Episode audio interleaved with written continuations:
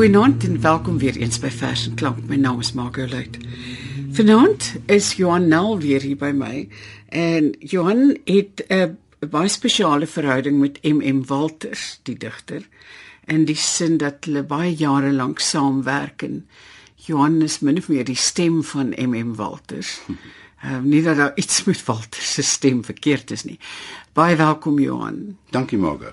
Geef vir ons 'n lekker kriptiese biografie van Walters asseblief. Man, Walters is 'n satirikus sonder gelyke en dit is gesê oor satirici in die algemeen, hulle is mense wat glimlag met die mes onder die jas. En met daardie mes wil hulle niemand doodmaak nie. Hulle wil jou net so liggies liggies gaffel. En dit doen Walter.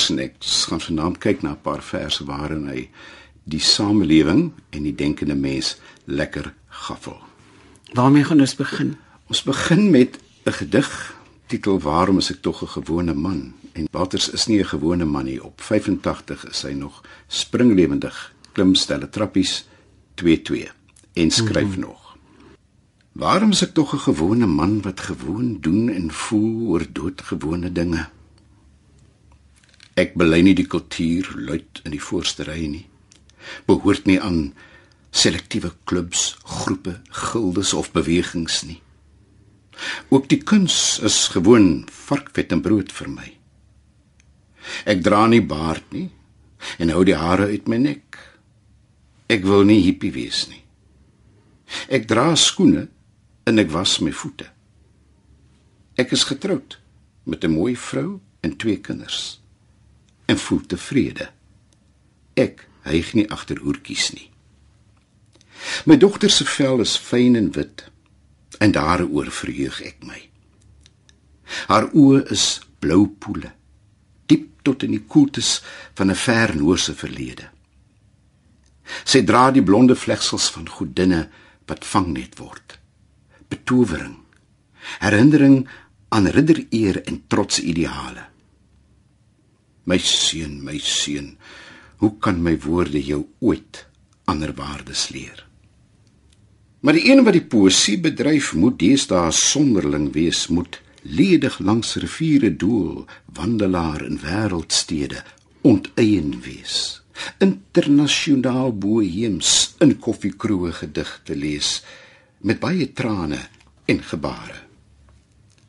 My voorgeslag kom ongelukkig uit die noorde. Moes in die koue aarde boor om te bestaan. En later was hulle dankbaar vir die son en sweet vir hierdie land se buk en buur wat sterk maak. Paparmpies en 'n siek gesig, aanstellerige pakaters was nooit embleme waarmee jy spog onder my mense nie. Parys. Waar kom die mode tog vandaan? Die sug van ander man se oor die water is veel beter. Wat myne is, is goed. En dis vir my die beste. Ek stap dankbaar deur my land, my deel van Afrika. Die sen. Hoe kan ek liries skrywe oor die sen as die maan koud skyn en hierdie blou vallei omskep tot sprokiesland?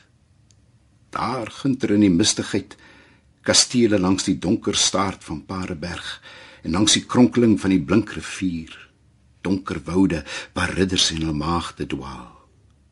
Of selfs meer nugter in die son as ek die karoo se droë peperbessies vryf en met my neus proe aan die frank en bitter vruggies van die droogte. Ah my land. Maar nee dit is ook te gewoon dat ek oor jou sal skryf Ek moet opsluit poeties raak oor ander vreemder dele.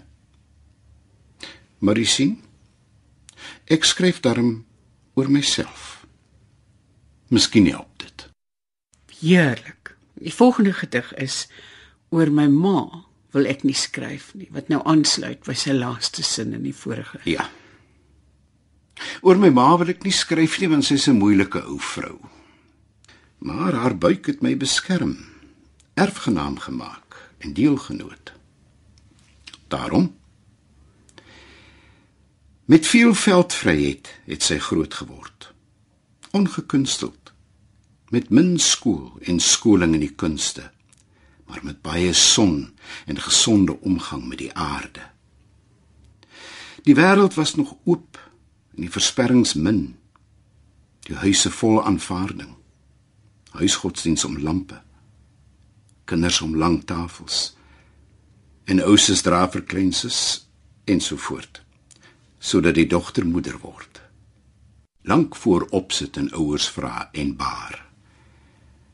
En later half met broodmeel kon sy knie voordat die plaasvolk aanklop vir 8 uur.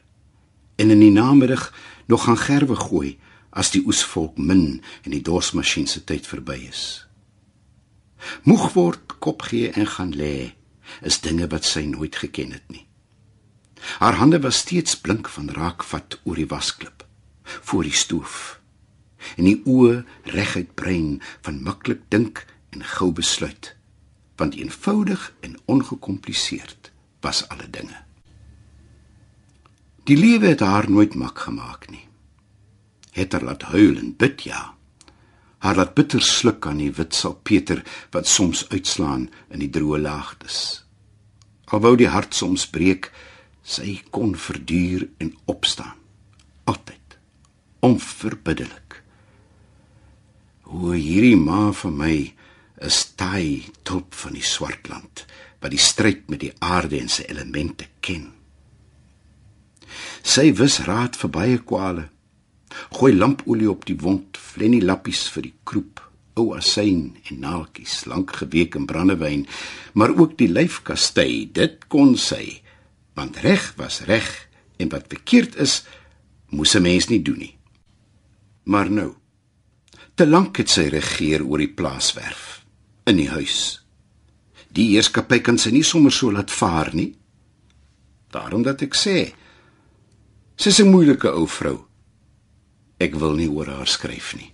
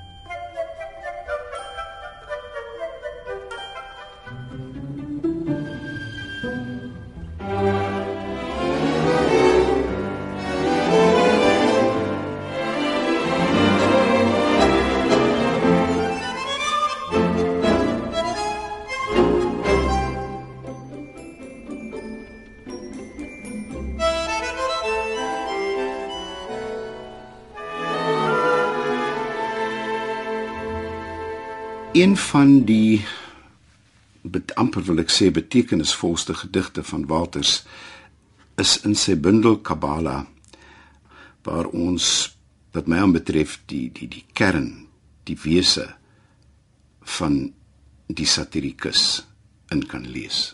Die gedig se naam is Hoofnar. Vergeef maar die gespot, Heer. Beskou dit die gekerm van een wat lank reeds soek en ontferm u oor sy dwaase tasting na die onbekende. Alles is onseker. Maar een ding weet ek. U is humoris. U het my gemaak. Die talent waarmee ek soek het u geskenk. Vind ek geen antwoord in u boek? U sal nie verdoem, geen siel vervloek, maar guns verleen aan hom wat voortgaan deur die duister en alleen die onbekende voetpad loop. En waar hy verdwaal met eie onmag spot en skertsend selfs sy God neerhaal. Dis jammer dat hierdie vers nie meer bekend is nie, né? Want dit dit spreek so teen alles wat 'n mens baie keer van Walter hoor. Ek stem met jou saam, Margo, en veral in die volgende, ons gaan nou 3 van sy baie bekende satires lees. Uh en die volgende 3 gedigte neem ons terug na bekende tye vir mense van ons ouderdom. Ons onthou tog almal hoe 'n biddag vir reën op die platteland verloop het, dat dit uitgesaai is oor die radio. En nou luister ons na biddag om reën. Liewe luisteraars, ek roep u aan uit die koel interieur van 'n statige klein dorp se kerkie. Sagte orgelmusiek. So pas het ek deur die gekleurde ruit die minister se roos gewaar. En meer gedemp. Hier kom die geselskap nou, die plek der aanbidding binne. Luisteraars, dis gewyde oomblikke hierdie. Mevrou is deftig uitgevat in 'n swierige satijn, maar dra haar lot gelate, stil, soos dit 'n volksmoeder van haar stand betaam. Sy edele weer stap bewustelik stadig stadig. Dankie Heer vir die deurligtige dienaar wat vandag met ons aanbid. Nou volg die burgemeester hoed en ketting en dan sy vrou in swart asof sy rou vir hulle drie droë onderveldse plase. Hierna volg 'n kort sekwensie: dokters, prokureurs, voorsitters en sekretarisse, bruin en breë boere en boerinne, bultig binne die walvisbene. En winkeliers wat fronsend voel dat hulle hier met groot vertoon verneuk word. En reg agter in die hoek geboe omstini verrimpeld en krom getrek deur die droogte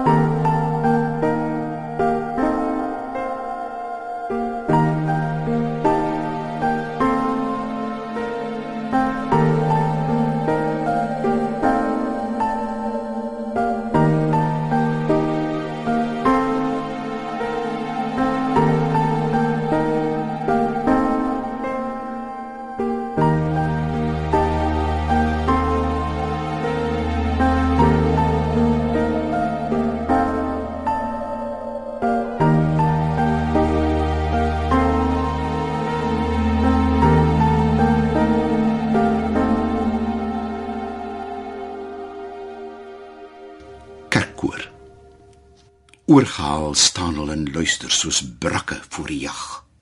Ongeduldig, want hulle ken die klanke maar moet nog op die teken wag.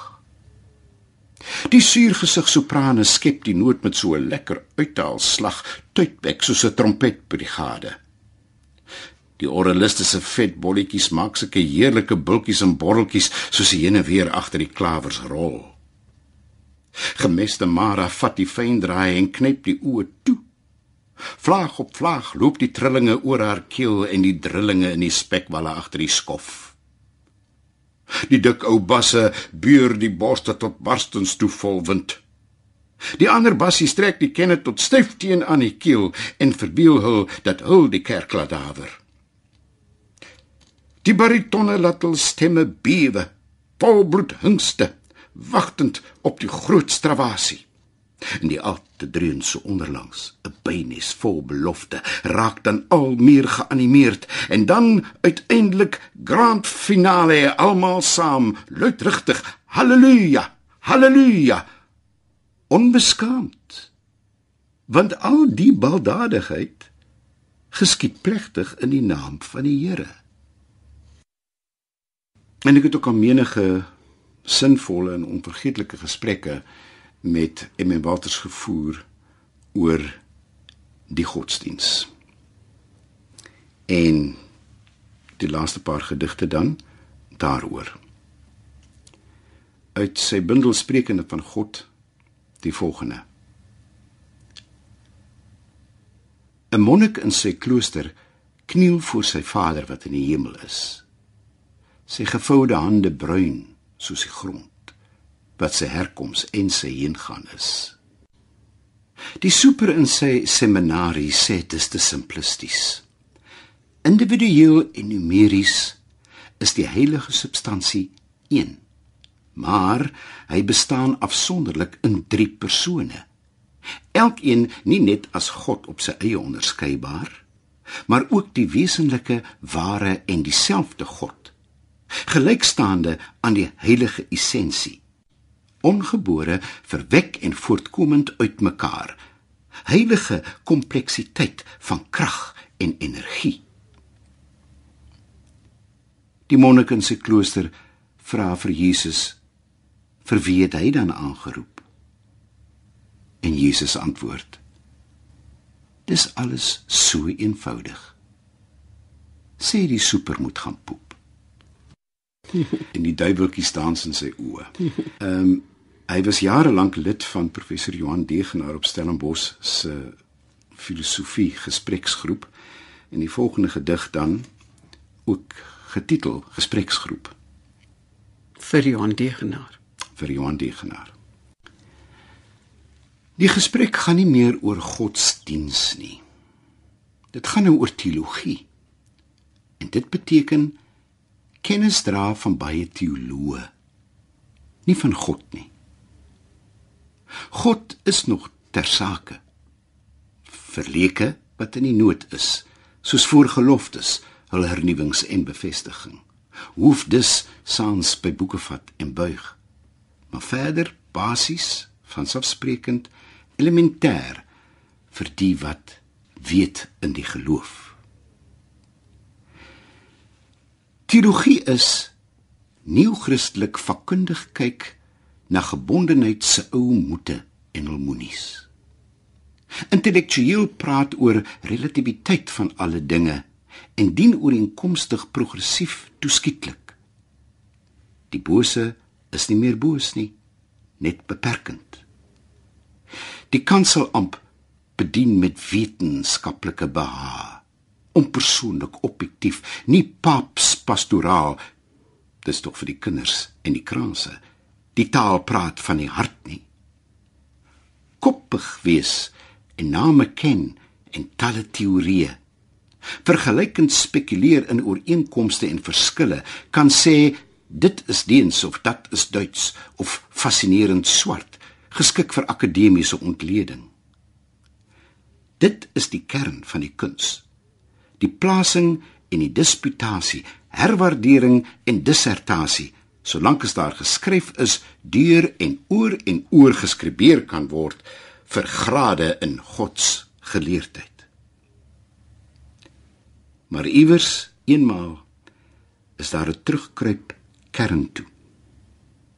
Die donker afdaal in die put sonder die gepoleerde blink spel van woorde. 'n Harde kop aan kop loop met die groot miskende anders as die oppervlakkige molstoot in die ronde. Gepraat om die praat tot die dood toe. Daarom God. Wat dink julle van God? Die drie letter woord wat julle so sprekende van self God noem. En dan sluit ek af met 'n gedig wat vir my die die waarheid in sy breedste vorm so raakvat. Die groot stilte. Eens sal elkeen die onbekende ingaan. Plek waar hy alleen is met 'n magtelose versinking in dieptes dieper as gedagtes. 'n Onbewustheid waar tyd nie meer bestaan nie. Duiseling van ruimte wat ontbind, leegte en duisternis waar dit niks en niemand terugkeer nie. Dit is die universele toestand waar dogmatiese versnipperings verdwyn. Finale kennismaking met die self. Spieël van aangesig tot aangesig, die oop vlek waarteen daar geen skuiling is nie. Maar ook 'n oplê van die hande. Inseëning en wyding. 'n een woord met die heel al in 'n hoër harmonie as 'n simfonie van snare. 'n instemming op die groot stilte. Die enigste stem van God wat hoorbaar is.